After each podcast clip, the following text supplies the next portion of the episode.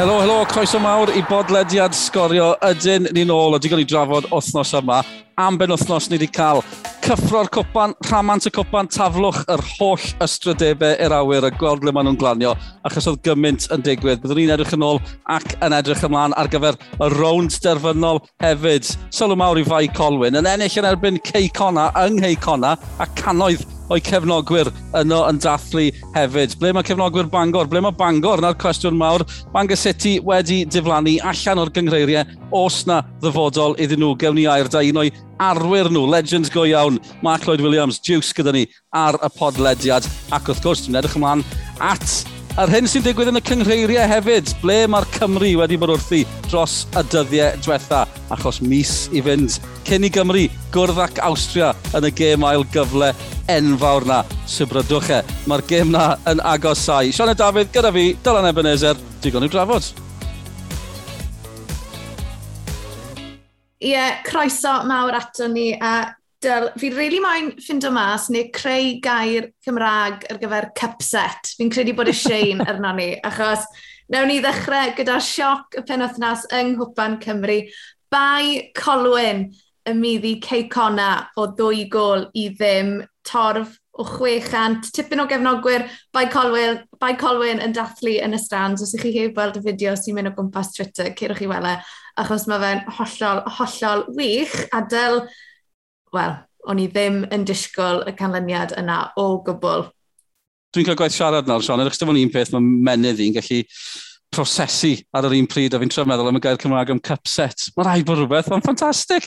Na, o'n i ddim wedi gweld hwnna, mae rai fi gyfaddau, o'n i wedi meddwl, clybiau cartre, fydde'n mynd â hi yr enwau e mawr o'w Cyngred Cymru, Seintiau Newydd, Balan efo'r Aberystwyth, Pen o Bont yn efo'n ffyn o'n tafn, ni drafod hwnna eto. Ond bai Colwyn, yng Nghei Conna, dylen ni wedi meddwl, dylen ni mae yna un sioc o bosib trwy'r amser, a ie, yeah, dwy ddim. Gan i lot o ymateb yn y man, achos mae yna ma, lot o ymateb yr reolwyr yn, yn ymateb yn wahanol iawn, iawn, iawn, iawn. Ond gret, am stori, tio, maen nhw'n y pedwar ola. A just, ie, yeah, golygfeidd na'r y diwedd. Mae mor braf gweld yr, y dathlu rhwng y chwaraewyr a'r cefnogwyr, Oedd hi'n special iawn. Dim os chi'n cefnogi Cey Connor, wrth gwrs, ond uh, o ran Boi Colwyn, waw, na gyd chi'n feddwl am, a cup set. Come on, mae rai bod yna derm, mae rai bod yna derm. Os ych chi'n gryndo, os ych chi'n gallu meddwl am air Cymraeg ar gyfer y 10 cup set yna, please, uh, yeah, cysylltwch a sgorio ar, uh, ar trydar. Sdim gofyr, uh, ond fe ni just yn licio clywed eich opsiynau chi. On, Don't phone, mai... it's just for fun. o'n i moyn sôn am reolwr Bai Colwyn, Steve Evans, achos am stori mae hwn yn troi mas i fod, dyw e heb golli eto fel reolwr, maen nhw'n bydwerydd yng nghyngrair y gogledd. A oedd e ar y pod wythnos diwetha, fi'n cofio nath e weid, o, oh, sometimes when you're in it, you don't realise how special it is. A wedyn nath e weid, when you look back and you realise, wow, I did something special there. A then gwmos be nath by Colwyn dros y penwthnos. So, mae sylfaen ffantastig yn by Colwyn, ta beth. Felly mae fe yw'r boi fynd yn nhw i'r lefel nesaf. Och chi'n eisiau clywed ni'n trafod y gêm, dewch i ni glywed gan y prif gymeriadau yn y gêm a'r cymeriad Steve Evans yn amlwg, y reolwr wrth i fodd. Ryan Edwards eitha hapus hefyd, os chi ddim wedi gweld ei golau, cerch draw ar wefannau sgorio, wedi gwefannau cymdeithasol sgorio. Mae'n gol anhygoel am ffordd i sgorio yn y cwpan hefyd yn rownd yr wyth ola. A gan nhw esbonio mwy i chi, Steve Evans a Ryan Edwards fel hyn. Probably gol mwyaf byd i gorau dwi wedi sgorio, dwi dweud y gwir, dwi'n methu cofio lot, jyst gweld yn mynd y cornel uchaf, ond um, perfformiad gwych. Um, ond mwy rhan mwyaf y gêm yn cael chwarae mewn hanner ni, ond um, pawb ar y pitch, ar y mainc, gwych. O, Steve, 2-0 win away at the home of the Welsh champions through to the semi-finals. How delighted must you be with that? Yeah, I'm ecstatic. You know, the, I'm pleased for the players, the fans, the club. You know, the players have been first class since I've come in, and you know, the hard work showed there. Um, and, you know, we're in the hat. What pleased you most about today's performance, do you think? Just the way they stuck to the game plan. We've done our homework, you know, the lads, like I've just said, they've worked hard since I've come in and it showed there. We, we never really looked in trouble. You know, yes, they put a lot of balls in our box, but we were in the right positions. We dealt with everything, um, and we, we weren't really. It weren't last ditch. We, I thought we were pretty comfortable. They had a lot of the ball, but you know they didn't really cause us that many problems. You know, obviously, Craig Harrison very well. Were you trying to second guess what his game plan would be? No, I, I know Connors Key. You know, it's how they play. You know, they played a little bit more today, but you know, we dealt with it. We dealt with it. They, like I say, they had a lot of the ball, but didn't really hurt us with it. Um, and then we went and punished them. And I think Ryan Edwards' goals, one of the goals of the season. Wel, mae pethau'n mynd o ddrwg i waith i geiconau ar y cae. Oedd hi ar y cae, di pethau ddim yn gret na ar hyn o bryd ac wrth gwrs oedd hi rheolwr nhw Craig Harrison ddim yn hapus ar ôl y gêm a dyma beth o dyfa i weid. Raging, fuming, disappointed, angry. Um, I think all um, come into the equation, you know, and some Um, really, really tough to actually articulate how, how you know how disappointed and how frustrated and angry I'm actually feeling, and you know, um, that you know devastated. But you know, I think that you know pressure wise and percentage wise and in etc. and set plays, and you know we you know we were well and truly on top. You know, and we created three or four good opportunities in the second half, and obviously you don't get a bad opportunity in a penalty. Keep us made another good save. We got in behind them a few times down the sides, but you know you've got to at a cup game or any game when it's nil nil, tricky conditions, and you know and you don't defend properly, then um, then you know these things happen. O, Craig Harrison yn amlwg ddim yn ddyn hapus y cyfweliad yn dweud y cyfan. A rheolwr arall o ddim rhy hapus oedd Rhys Griffiths y men y bont. er bod nhw wedi ennill, ddim wedi chwarae cystal o hynny, oedd e ddigon hapus i gyfadda hynny, ond maen nhw drwodd i'r rown nesaf, ond Sean Edo, ti wedi bod yn ffyn o'n taf cyn y gêm yma, yn cwrdd â'r boys, pam sgoriodd pen y bont ar ôl munud, o'n i'n meddwl, mae'n mynd i fod yn bnawn hir, ond chwarae teg, i daro nôl, ti'n nhw fel munudau o ennill, dwi'n swn i weld bach o gymeriad gan ffyn o'n taf. So beth, yr hirad y gêm yn mynd mlaen, y mwyaf o'n i'n meddwl, coni off. Mae ffynnan taf o bosib yn mynd i achosi un o'r siocs fwyaf i ni wedi gweld. Um, fi bach yn ofan gweud yn rhywbeth, achos oedd Rhys Griffiths ddim rhi bles gyda un o'n tweets i ar ôl y gêm, ond ty waith, dwi'n credu, oedd pen y bont just, wel, yr hen ystrydau ddim wedi troi lan, a dwi'n credu nath y, y gerden goch i Marcus Jones, o, dy beth rhyw saith munud i fynd, nath, nath hwnna helpu pen y bont um, yn bendant, ond ie, yeah, o'n i'n Oedd e'n teimlo mor greulon i weld ffan yn taf i yn colli fel wnaethon nhw. Um, ond, ti'n mae yna reswm pam. Ta pen y bont sy'n ail yn yr uwch gyngrair ar hyn o bryd. Um, a ie, yeah, pob, pob lwc iddyn nhw yn y rown nesaf. Ie, yeah, o'n i yn hoffi ffordd nes nhw gadw i pennau, to, mm. achos i fod yn deg, achos gallai di fod yn hawdd colli pennau yn y sefyllfa yna, ond uh, dal o'n o'i tir, dal i giro ar y drws fel petai a cael y goliau, yn dewch i ni glywed gan uh, gan y rheolwr. Maen nhw drwodd i'r rown dyma Rhys Griffiths. No, look, we didn't play very well today, but, you know, our name will go in the hat for the next round. But it shouldn't be forgotten today how well tough, well played.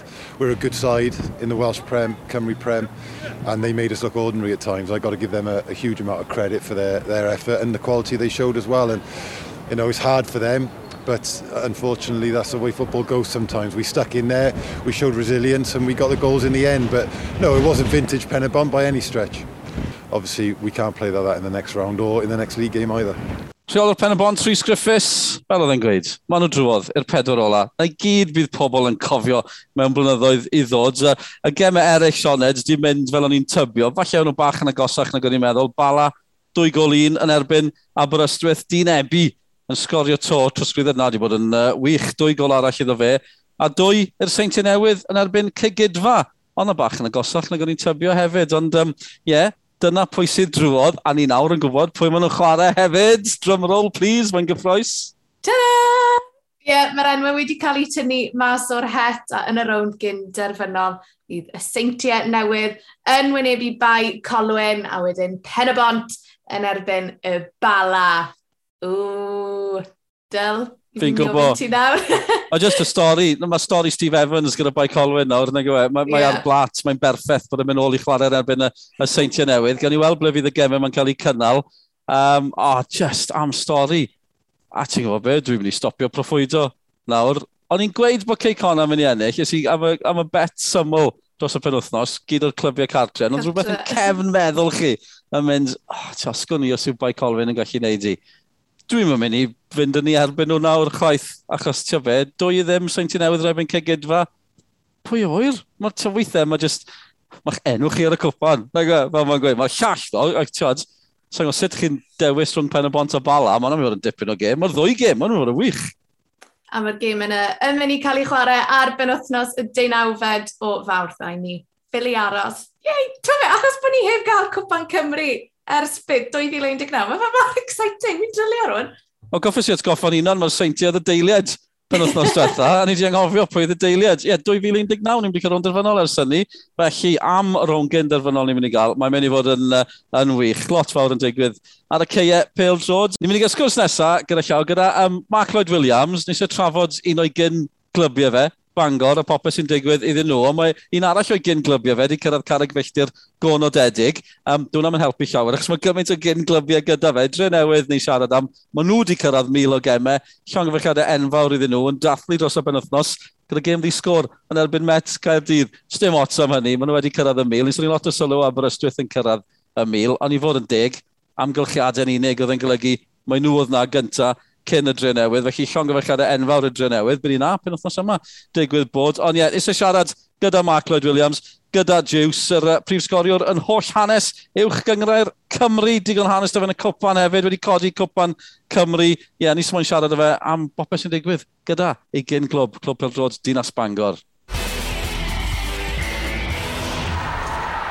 Hyn ddigon i'w drafod, wythnos yma fel arfer felly, a fi yn falch gweud bod ni yn cael cwmni. Nawr, mae yna deitl swyddogol bod tro ni'n cyflwyno Mark Lloyd Williams. Mae rhaid gael fe Mark Lloyd Williams, mae rhaid gael fe'n Jews. A fi'n gweud, y gŵr sy'n dal y record am sgorio'r nifer y goliau erioed yn hanes uwch gyngrau'r Cymru. Mark, croeso ato ni. Da. Mae'n dipyn o record. Mae dal na. Na un peth sy'n dal na. Ta beth, Jews? Ie, yeah, mae'n enni'n cysur ddim bod ddim yn chwarae dim mwy, ond um, ia, mae'r record yna, dwi'n meddwl mae'n ti'n i bara, dwi'n gwybod, ond um, mae'n braf go Mike Wild i gael uh, dipyn o gym a di, uh, wach ar y tymor yma'n barod felly, dechrau dal i fyny yn ar y deg. A sa'n credu fi Declan McManus o gwmpas digon hir i ddod yn agos chwaith, ond on mae record dal na, Mark, yn uh, anffodus, mae'n o'r clybiau nes ti gynrychioli am gymaint o amser, ysgorio gymaint o goliau iddyn nhw, wedi diflannu, dim yn sioc falle, ond be'n eidio sefyllfa Bangor, Bangor City, fel mae pawb yn ei galw nhw, allan o'r gyngrair, pwy o'r beth o nesaf, beth am hyn i gyd, Mark? ia, fel ti'n dweud, oedd mae'n sioc beth y gwyddoedd wrth dwytha, ond ia, mae smonach llwyr wedi dweud, bob meddwl, uh, wedd newidiad, mi oedd o rei dalwyr mae mewn, a dyda'r chwaraewyr yma drosodd. Um, dwi'n gwybod pan ni'n drifing waith, eich ni gweld yn cerad ar eid Bangorcha, lawr am Nantporth i ymarfer uh, bob bora, ac um, Dwi'n ymwneud bod nhw wedi mynd i fyny tymor yma fel pencampwyr, um, gofyn nhw'n llawn amser, ond ia, dwi'n meddwl bod beth sydd ydi o rhywbeth yn efo'r dalwyr, y pechnogion, cyn i nhw, a mae'n to hir mae delegion ydy bod yn y clwb, dwi'n meddwl gwestiynau mawr i'w gofyn, ond um, ia, clwb mor fawr ac ymwedig ar ôl ni weld Aberystwyth a Dre Newydd dros y bythefnos wythau yn dathlu mil o gema o Bangor wrth gwrs yn un o'r clwbiau, ddoth i mewn i Uwchyngredd Cymru tod, ar y cychwyn ac tod, mae'n ddineud beta er pencampwriaeth wyth cwpan Cymru felly ia, mae'n mae sioc enfawr i'r uh, byd gael yng Nghymru.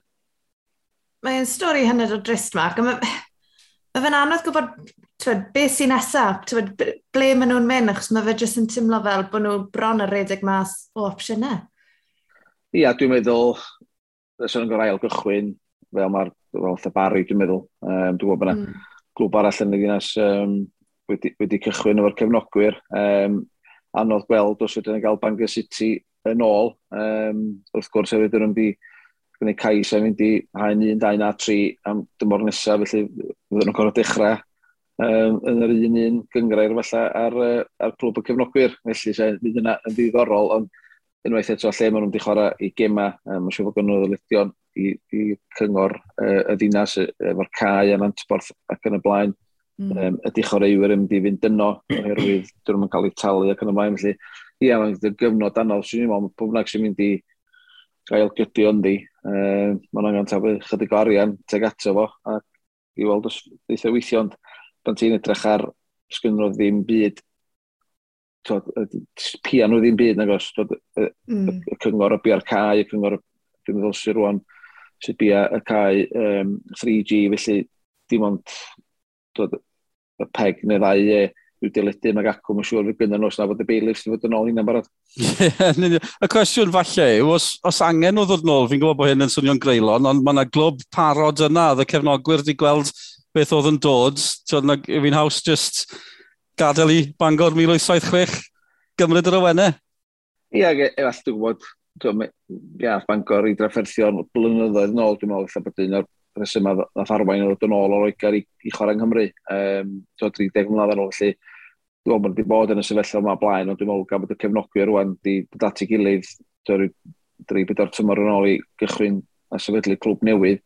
Efallai dyna fydd y ffordd ac efallai yn nhw wel ni uh, yn chwarae yn antborth nesaf. Um, wrth gwrs mae'n dibynnu yn union beth i sefyllfa nhw, lle maen chwarae hyn o bryd yn treboth, um, ac os dyn nhw'n gallu cam i fyny o haen 4 i fyny i haen 3 um, ar ddiwedd y tymor. Felly, ia, mae yna glwb yna, um, ond dwi'n meddwl fydd y clwb yr un fath oherwydd uh, Bangor City. Um, nes i chwarae wrth gwrs ac uh, dwi'n bechod uh, fel bod nhw wedi mynd i'r wal mwyn ali. Ie, yeah, mae'n hawdd i fi wedi bod yna glwb yna. Na gyfe, pam ti'n sôn, wedi bod yn siarad â cwpl o gefnogwyr am Bangor City. Fel ti'n gweud, mae Sioned yn gwybod, be chi'n neud pan mae'ch clwb chi'n diflannu? Fi'n gwybod, oce, okay, mae Bangor 1876 yno, mae hwnna rhaid bod yn gysur i rai, ond i eraill, diod, yr, yr hardcore, ni gyd i gweld nhw gwmpas Bangor, nhw'n troi lan y ffordd ffarar pan oedd gemau Cwpan Cymru ac ati. Mae clwb nhw wedi mynd, mae'n sefyllfa, o, oh, mae mor drist. Ydy mae, ac yn drist iawn, ac i fi, efallai bod y symudiad o ffordd ffara i Nantbor wedi cael effaith oherwydd dyna ddim o, yn y marn i bach ddim mynd i'r gema. Tyna o'r gylch ddim yr un un peth. Um, mm. Gorach ddim to ar y llyfr y sefyll, o'r gol, tod yna dwrw mawr yn dod o, o fanna, tod ar, ar cae, tod yna chydig bach all ar y cae, dwi'n dweud, tod o'n y gymeriad i hun um, yn ffordd ffara, felly dwi'n meddwl pan ti'n symud cia, ti'n meddwl cael yr un effaith, um, ac oedd cae mor agored, um, wrth gwrs yn ymporth, ac ddim yn gallu creu'r yr ywylgych, a dwi'n meddwl, efallai bod oed pyd o gefnogwyr, dwi'n meddwl, a bod o tu allan i'r ddinas, um, bod nhw'n gorfod cerdded neu gael bus yna. Um, di cael effaith ar y torfeidd, ond ie, rai, mae'n dris gweld clwb fel mor, mor fawr yn mynd i wal, mae'n siŵr, tyd, um, sy'n un ddau o genwgwyr Cynarfon efallach, yn, uh, uh, yn teimlo dros y clwb erwydd, mae ma nhw wedi bod drwydd efo hunan, um, chydig o flynyddoedd ôl ac tyd, nhw ail gychwyn a mae nhw wedi gwneud gwaith anhygoel yn dod nôl i fyny i lle mae nhw'n i'w chyngred Cymru, ac dwi'n, fel ti'n dweud, dwi'n gweld clwb yn ail gychwyn o dan Bangor City, Um, gan fo na glwb yn barod yn y ddinas, dwi'n anodd iawn denu cefnogwyr i glwb newydd. Mae'n hawdd iawn pwynt o bus fach, yn o ran, tywed, Serafino yn amlwg oedd y cyfnod yna, dy'r fons o phopeth. Ti'n ti teimlo fel bod, twyd, ydy Serafino'n wath? Na be oedd yn digwydd gyda'r fons y Mangor? Um, Dwi'n yn gwybod, um, dwi wedi bod yn o'n asio fe derwyd, dwi'n yn gwybod beth sy'n sydd yn digwydd tro'r llenni. Um, Tod, nath y pobl yn gwerthu'r clwb i'r Fons, uh, nath nhw, uh, beth yw'r gair yn Saesneg, due diligence ar pwy yn dod i mewn. Um, tod, o'na ddyledion yna cyn i'r Fons gymryd drosodd, eto, os na bod y, tod, y gwaith papur yna'n dod allan i bawb gael gwybod, da ni'n gwybod be, be di hanas mm. um, tod, cyllid y glwb dros y blynyddoedd, tod, oedden nhw'n gwario mwy nag oedd dod i mewn ac yn y blaen i geisio gael y llwyddiant yna i chwarae'n Ewrop tymor o'r tymor. Um, Ac trwy nhw ddim, trwy fod rhywun fel Mike Harris na gwaith, yn just un person yn edrych ar ôl clwb y diwys Dewis yn cei conas yma nhw rwan. Um, Oedd cyfnogwyr gyfnogwyr roi darian i mewn o felly, ia. Rhoi o'r bwrdd um, cyfarwyddyd ar y pryd, ond ia, eto, mae'n dibynnu be oedd be oedd stad y clwb pan oedd gath ei werthu i'r fôn sy'n lle cyntaf. Efallai bod nhw wedi magu dyledio yn hunan, de. Ie, yeah, na'r peth, mae gymaint wedi digwydd dros y blynyddoedd diwetha. A diddorol wedys ti'n gynharach, falle allan ni weld Bangor 1876 yn chwarae Nantborth, tiod, am hwnni, gallai fe ddigwydd, yn hawdd, a mewn ffordd ryfedd, tiod, dim o'ch eisiau gweld un clwb yn mynd, falle os oes yna bobl busnes, gyda diddordeb yn buddsoddi, falle fydd hi'n haws i clwb y cefnogwyr fel petai, chwilio help, chwilio cyllid, cael chwaraewyr mewn a mynd i fyny'r cyngreiria yna. Ia, yeah, um, ydy bynnu fe mae'r cyngor angen am y cae. Um, Ti'n atiad oedd wrth gwrs um, y Bangor, felly pwynnag sy'n mynd i gymryd drosodd y stadiwm um, yn gorau tal y rent. Um, Di fynd i byd i cost y rent yna wrth gwrs. Ac, so dwi'n meddwl bod y Bangor 1876 yn cael y cefnogwyr mewn ar hen cefnogwyr ffordd fara i mewn wrth gwrs, ond um, tyfu o waith cynnal a chadw tipyn mwy ar y cae na na pan maen nhw'n uh, yn trybodd ar y cae 3G. Um, efallai, Felly mae'r peth gorau cyngor wneud os fysa buddsoddi a roi cae 3G yn y canol. Um, Dwi'n bod hi'n dris gweld y cae gwair yn mynd, ond dyna sy'n os yna glwb yn dod i mewn, dyna sy'n gallu creu arian wedyn, neu lle brifysgol yn gymryd drosodd. Um, mae'n bechaf bod ni'n coleg fyna i'n symud drosodd i llan gefni, neu fel arall, os ni'n rhoi pwysau ar, ar y pennaeth i, i gymryd, uh, mynd, mynd, mynd i wneud yn gwaith ni fan lawr yn y stadiwm. Fi eisiau gofyn hefyd, Mark, cyn i ni ffarwelio, nes ti sôn am coleg mennau yn gynharach, fi'n gwybod ti'n brysur gyda nhw. Right, sawl game build road ti'n gweld? Mewn mis neu mewn wythnos, achos sgorio Radio Cymru, coleg mennau, os unrhyw ddwrnod na ti ddim yn gwylio build road? Wel, rhyfedd dwi ar ffordd lawr i Gardydd. Um, ar ôl i wneud y sgwrs, mae gen ni, uh, dwi'n rheoli tîm ysgolion Cymru a tîm colegau Cymru, lle mae gennym ni uh, camp ymarfer um, ysgolion Cymru. Uh, so gen i gefn i'n cas newydd fori, Da dan i ddenaw Gabertawe, dan i ddenaw Canon Dimechar, a wedyn uh, yn ôl ati wedyn. dysadwn ni, a mae'r gyfnod dod dan, dwi'n ddiwrnod tîm ysgolion Cymru, dan ni chwarae yn y, yn y Centenary Shield, lle ddim drosodd i Belfast, mewn yn beth efnos, uh, i chwarae gogledd i Iwerddon, wedyn yr Alban, a wedyn dwy gem gartra yn ebyn Lloegr yn Llan Sawel, ac uh, Iwerddon yn, yn Gynarfan. A mae gemau gyd yn fyw yn ôl bod i ddall ar, ar, ar y BBC sydd dda i weld. Ie, yeah, mae'n greu. Achos ni'n sôn yn balchder Cymru Ec, cynrychioli Cymru. Ti'n ma'n teimlo i'r boys mae cael cynrychioli Cymru hefyd? Ie, yeah, mae'n wych. Um, wrth gwrs, mae'n dod yn gweld nifer o chwaraewyr wedi dod drwy'r system yna, colega Ysgolion Cymru, dod Dave Lyon yn un asgoriad y Sadwn oedd o ni dwy flynedd yn ôl. Um, gan bod Covid, dwi'n meddwl bod o'n dweud i'r gwesti hyn yma, uh, neu'n osfori yn ôl i gap a'i grys, er bod yn gallu i gyflwyno fo eto, so dyn ni'n gobeithio fydd o'n dod i fyny um, nosfori i ni gyflwyno hwnna iddo fo. Felly, ie, mae'n mae ma mm. nifer y chwaraewyr yn Gynarfon, Hwffordd, um, sydd wedi cynrychioli, a Pen y Bont hefyd, Sam Snaith yn arall, uh, sgorio Sadwn o ddo, efo ni um, dwy dar blynedd anol, neu tair bedair blynedd anol, bellach. Um, tod, uh, mae'n ma, ma sylfaen da, cos di pawb yn gwneud yma rei yn disgleirio yn hwyrach yn ei, uh, ac yn hun wrth gwrs na pan maen nhw'n 14, 14, 15, felly mae yna rei'n cael bachiad um, yn hwyrach uh, yn ei gyrfaoedd. A mae uwch gyngor Cymru ac bydda ni wedi bod yn neud efo'n ofysgolion Cymru ac Cymru rhaid sylfaen da nhw. okay, ni am gymryd ein sylw ni bant o'r gêm domestig am funed achos mae'n amser ar gyfer her y 90 a gyda mis i fynd tan i Gymru groesawu Austria yn y gemau ail gyfle am le yng Nghwpan y byd. Beth am, i ni checo mewn gyda'r chwaraewyr rhyngwladol i weld beth yw'r diweddaraf gyda nhw a'i clybiau. OK, fi am ddechrau lan yn yr alban gyda Aaron Ramsey achos un munud mae fe mewn, wedyn mae fe mas pwr dab. Fe gath e munudau i Rangers yn erbyn Dortmund yng Nghyngrair Europa wythnos diwethaf. Dath e mlaen gyda 5 munud i fynd o ddi ar y fainc. Ond wedyn, heb gael ei gynnwys yn y garfan o gwbl yn erbyn Dundee dros y penwthnos. Mae Ramsey dim ond wedi dechrau un gêm a hynny yn erbyn Anan Athletic yng Nghwpan yr Alban. Ond rhywun o Gymru nath ddechrau i Dundee yn y gêm na rhwng nhw a Rangers dros y penwthnos oedd Dylan Levitt a fe nath greu'r gol nath roi Dundee ar y blaen yn ôl cefnogwyr Dundee Levitt wedi syrenu yn y gêm yna a mae fe i weld yn mwynhau i amser lan yn yr Alban hyd yn hyn. OK, Mr Gareth Bale, i weld yn dod nôl i ffitrwydd yn araf fach. Fe gath e munudau i Real Madrid yn erbyn Paris Saint-Germain yng nghyngrair y pencampwyr ddath ymlaen. Oedd i ar y fainc gyda 5 munud i fynd, ond Real Madrid yn colli'r gêm yna yn y pen draw gyda Kylian Mbappe yn rwydo i PSG ar ôl 90 munud. Oce, okay, os oedd un gêm yn uwch gyngrair Lloegr na ddal ein sylw ni penwthnos yma. Tottenham yn curo Man City o dair gol i ddwy. Ben Davies yn dechrau i Tottenham, a wel, mae'r canlyniad yna wedi wneud yn siŵr bod y ras i ennill uwch gyngrair Lloegr dal yn agored. Ar wylod uwch gyngrair Lloegr braf iawn i weld Conor Roberts yn dechrau yn y 5 gêm bethaf i Burnley. Nath ei creu ar y penwthnos gol wrth i Burnley giro Brighton o dair gol i ddim canlyniad enfawr i dîm Sean Dyche achos nath hwnna godi Burnley o weilod y gyngrair. A ni am orffen draw yng Ngwlad Belg achos nath Rabi Matondo Sereni unwaith eto i sergle brwch unwaith eto yn sgorio dros y penwthnos a dyna'r seithfed gol mewn 19 gêm i Matondo gwrando, mae rhaid bod e'n opsiwn i Rob Page ar gyfer y garfan. O bosib, gewn ni weld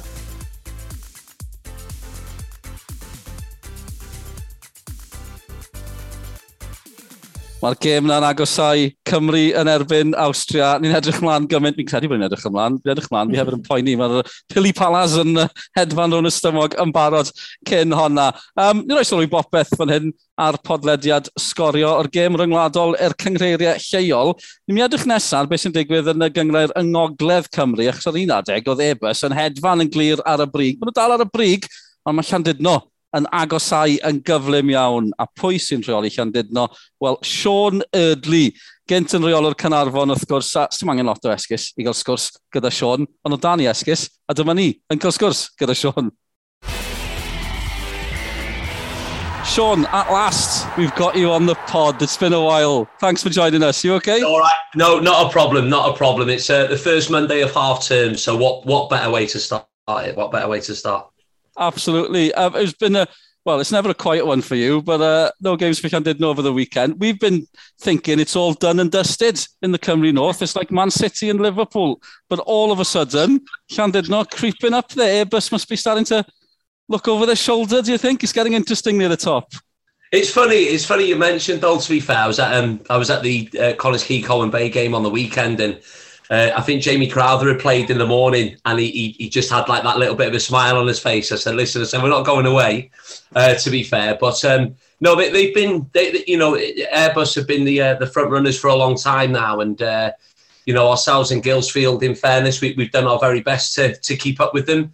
Um, um, it's like an old cliche, really, and it, you know it's what we've stuck by. We can only concentrate on ourselves and look after our own business, which we've done, and um, it was a good derby victory against Conway the other week. Uh, you know, really good performance. Um, in, in atrocious conditions, really. I think everyone on the screen knows what it's like up in Llandudno around winter time. um, but yeah, we were away at Conway. We got a good result and realised that um, uh, Penryn Cork had done us a bit of a favour down there. Um, you know, they still have that game in hand, but you know, as I've said to everybody, we just need to do our best to to stay with them uh, and give us a fighting chance when we go to Airbus on the first of April. So uh, yeah, it's April Fool's Day, so hopefully we can, uh, yeah, we, we can maybe get a result on that on that day. You couldn't make that up, could you? April you Fool's really. Day.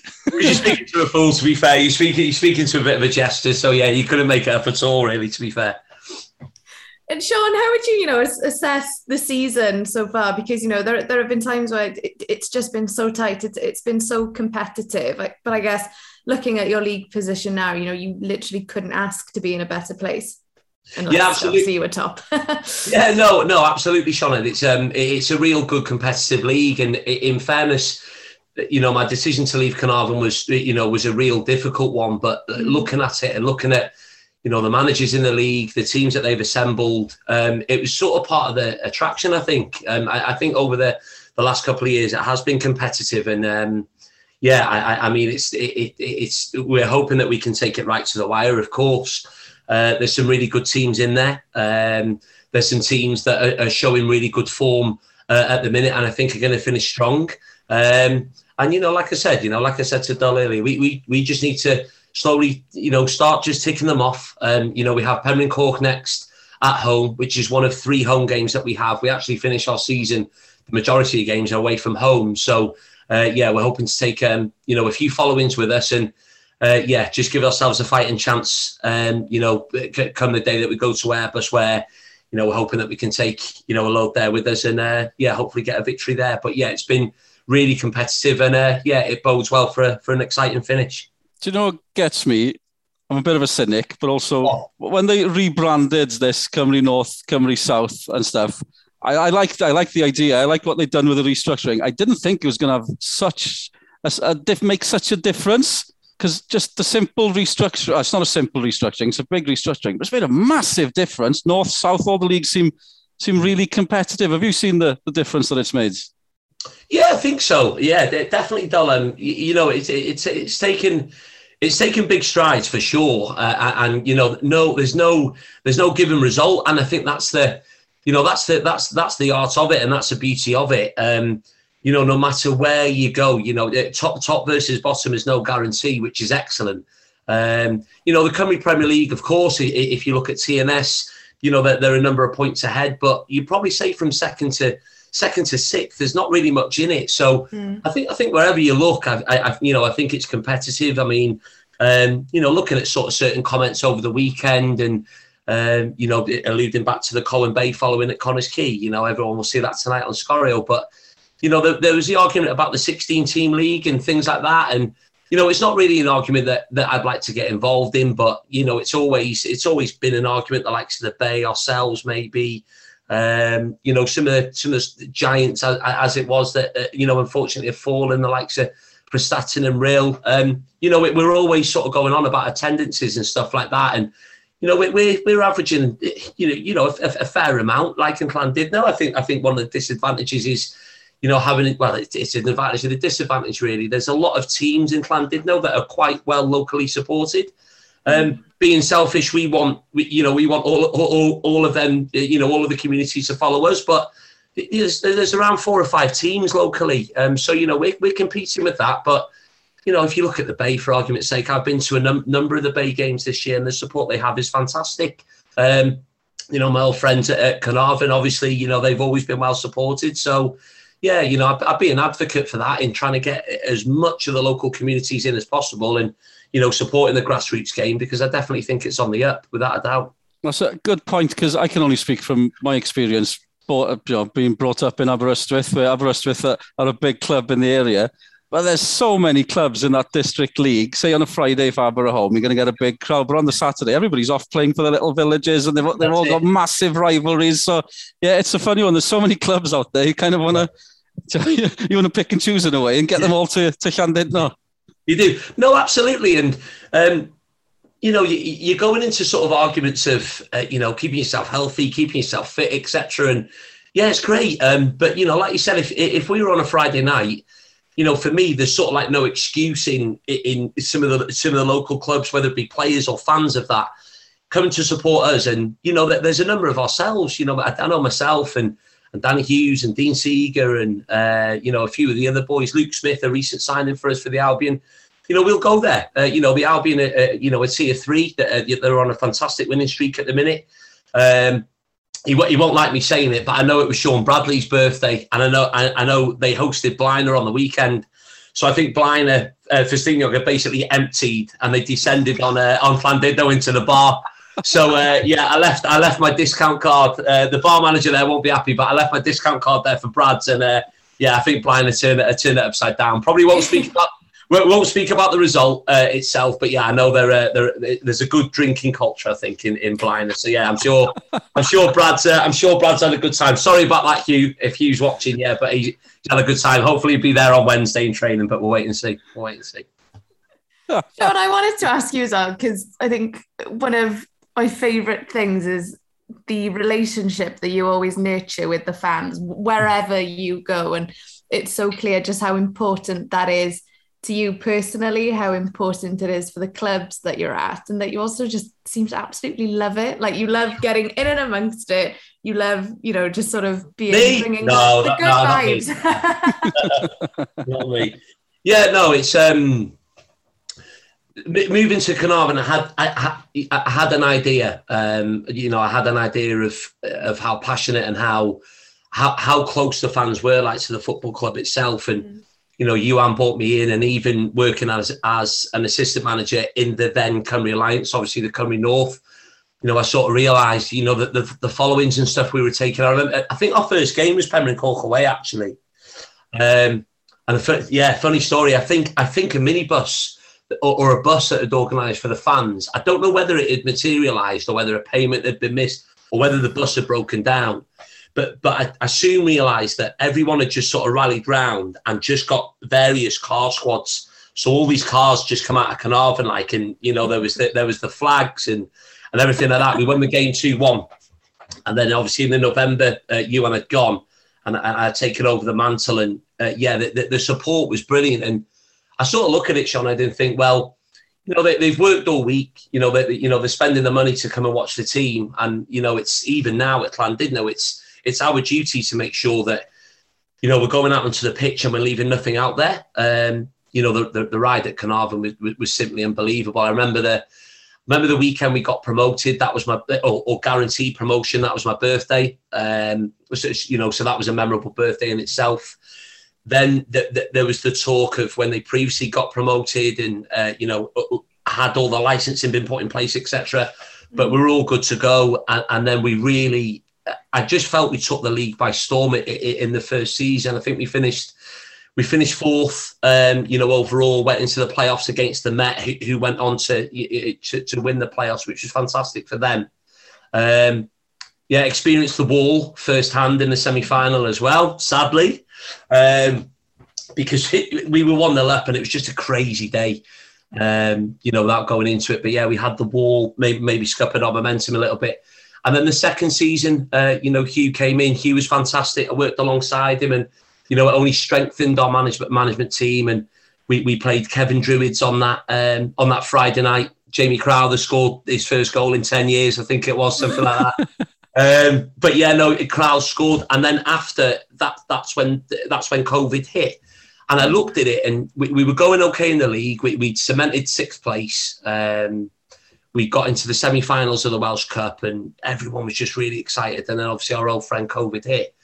Um, but yeah, going back to the relationship with the fans, yeah, it's something that it's something that I hold close because as a youngster, myself and my brother were on the terraces. Um, you know, we we we attended quite a lot of uh, Bangor Carnarvon uh, derbies over the Christmas period. My dad used to take us, um, and yeah, you could you, you, could just see it. But you know, I think one of the biggest things I think that me at Llandudno is is the youngsters through the door.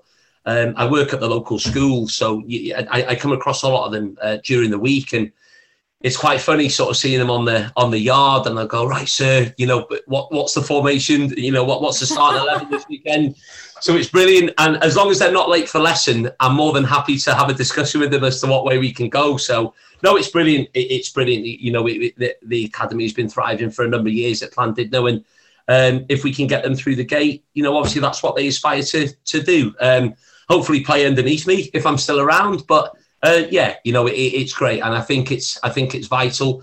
If you're looking at the local communities and stuff like that, I think it's vital that clubs clubs need that relationship with the fans. Definitely. You said you were at the Colwyn Bay game at Connah's Quay. Um, amazing support again. You know, what was that like to watch? Well, yeah, bittersweet, really. To be fair, because uh, you know, obviously, um, you know, Neil had played. The, you know, the family were down, and um, yeah, but by all accounts, I don't think the pitch was was at all too playable. But you know, it was the same same for both sides. And the game changer, obviously, you know, the penalty save by Andy Coughlin, It's a great save. Um, you know, you probably put your house on, on, on Carl Morris to score that one. It wasn't to be. The momentum then, I think it was just a big shift. And, you know, credit to Colin Bay, they stuck together. Uh, Rye Edwards rolling back the years, you probably won't mind me saying that. And, you know, finding the top corner and then James Kirby scoring. Uh, and then they just defended resolutely, uh, resolutely um, I, I, was sort of dead on the halfway line, just to my right. You know, three, four hundred Colwyn Bay fans that had made the journey. Uh, you know, full of voice. Uh, we said off camera that yeah, I, I, had I had a song made about me. Um, can't can't repeat some of the words unfortunately because it's going out in the pot. But yeah, there was a song made about me. Uh, but no, you know, full credit to you know Steve Evans there. I, have been to see the Bay a couple of times, and um, he, he's really, I, I, think, put his put his stamp on things there. Um, Joe Williams' birthday, I think he was 38 or 39 this week. So, yeah, he's still doing the business for them. Um, you know, I also spoke to Nathan Leonard at Gillsfield and, and they, they put up a gallant effort at TNS. You know, a bit of a daunting task, like to be fair, but yeah, good good representation from the Cymru North, and uh, yeah, we wish the Bay yeah all the best in the, in the semi final. Yeah, absolutely. So fun on Tav Cymru South as well. Nearly had a shocker at Penybont. Can I ask you about yeah. Neil as well? Because um, Neil's in, it's nothing to do with him and it's not his fault, but there's chaos at Connah's Quay and in the league after his his signing. Obviously, John. don't want to hear what's going on behind the scenes, but is it tough for a player in that situation? It, it, it's been, to be honest, though, it's been a bit tough. It's been, it's been tough on the family for sure. Um, you know, I, I, it's what I'm saying to players. Oh, sorry, not, not, not players like supporters and stuff like that. But it, it had to happen. You know, that football just throws up these, you know, sort of scenarios. So we go to, we obviously go to Carnarvon. Neil scores the winning goal. So I'm sort of sat on my hands. To be fair, I've got I've got. I was actually sat behind Sean Bradley at the time, to be fair, and the, the, the, goal itself, Brad's was actually applauding. So, yeah, it you know that had to happen. Then obviously, uh, you know all the all these stories come out about uh, you know an ineligible player and things like that. Um, and yeah, obviously the rumor mill starts then. To be honest, and I think I think looking at looking at the league table itself, you know, it has to be Carnarvon that are vying for that that top six position. So it's it's mm. it has been difficult, mate. I'm you know I'm not going to deny that. Um, from a player point of view, um, you know, my brother's had a lot of ups and downs, you know, in his career. Um, you know, promotions and uh, relegations and, and, and you know things like that. Um, so you know he's dealt with he, you know he's dealt with it's probably been been the first one you know in its in its entirety that he's dealt with, like uh, you know, you know, a subject such as this. But it, you know, it is what it is. At the end of the day, he, he's just got to concentrate on, uh, you know, pulling the shirt on for Connors Key. And as a family, uh, it's probably the closest team that he's played for. To be fair, so we can concentrate on that, you know, half an hour journey down the road and and support uh, support a brother, support a son like like we would do, you know. So yeah, we're just hoping that uh, it's coming to an end. Coming to an end, shall we say? Coming to an yeah, end. Yeah, absolutely. I think a lot of people around the league are just waiting for a decision as well. Final question from me: We saw that clip on social media of you doing karaoke. what was the song? I Which couldn't work out what the song was. Was it Dean Martin? I haven't, I haven't seen the clip, mate. I don't know what you're talking about. yeah, it was Dean Martin. Ain't that a kick in the head? I'm a little bit of a stickler for a little bit of swing, a little bit of jive. I lo- love that, that, love that type. The only thing missing was the tux, actually. To be fair, with the open, uh, with the open, yeah, with the open uh, dicky bow. But no, what it was, Lee Jones, the the, uh, the, the vice chairman there at Conway Borough. I've known him for a number of years, and um, I just said, I said, you know, win, lose, or draw. Uh, I said we'll stop for a couple of beers at the end of the game. It just so happened to be their sort of like team bonding night out. They've had a number of team bonding nights out. I was in my clan, did no gear. Um, and needs must all at the end of the day needs must there was no one going up there was a couple of their new signings and i thought what better warm up act so yeah uh, dean martin is my go-to he's my go-to it's lovely to have a chat with you and uh, we love what's going on at Llandudno and uh, I know it'll be interesting times between now and the end of the season. Uh, April Fools, first of April. It's going to be a big one. who knows? Yeah, who knows? Yeah, hopefully we won't be we won't be the other side of the jokes like on that day. But yeah, like I said, if we can we can give ourselves a fighting chance on that day, we, you know, we'll give it our all and. Yeah, hopefully the season will we'll have an exciting encounter, which we can come on the right side of. So yeah, we'll wait and see. We'll wait and see.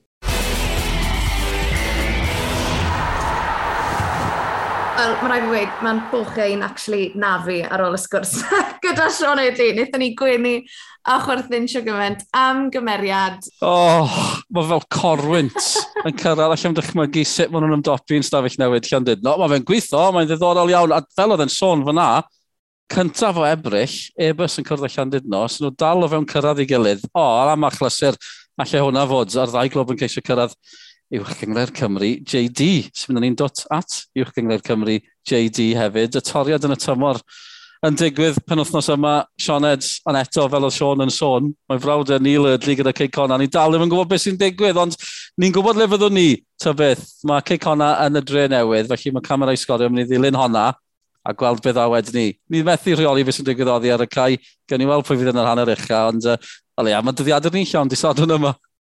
Cyn i ni ffarwelio, un peth arall i fi moyn sôn amdano, i ni wedi sôn mae Bai Colwyn nath achosi sioc y penwythnos o ran Pale Road yng Nghymru, ond sioc arall oedd Merched Cyrdydd yn curo Abertawe o dair gol i ddwy yn y brif adran Genero. Nawr, oedd hi'n darbu De Cymru, a hwn oedd y tro cynta i Abertawe golli gêm gyngrair ers 2018 a Cyrdydd ar y blaen. Nhw ar y blaen o dair gol i ddim hanner amser. Catherine Walsh, Zoe Atkins a Amy Williams yn rwydo i'r adar gleision a wedyn Abertawe yn ceisio ffindo i ffordd nôl yn yr ail hanner. Ond tîm Ian Derbyshire, yr adar gleision ath a'r triffwynt am ganlyniad i nhw. Wel, hollol, hollol wallgo. Felly, Mae'n rhaid bod rhyw record Ewropeaidd rylef yna. Mae'n y gobeith i'r gweddill, ta beth. Dyna ni roi ddi fel yna, mae siŵn nhw'n dal yn ôl, o gweld sef nhw'n wedi bod yn chwarae dros y blynyddoedd diwetha. Felly dyna ni, diolch am ymuno gyda ni, podlediad arall sgorio wedi dod i ben. Cofiwch amdano ni, dilynwch ni, tan ysgrifiwch, gwyliwch y cyfan yn datblygu ar wefannau cymdeithasol sgorio. Dwi'n siŵr beth mae hwnna'n golygu, ond na fe. Fel na ni'n gorffen y pod wythnos yma. Diolch am eich cwmni chi. Ta-ra!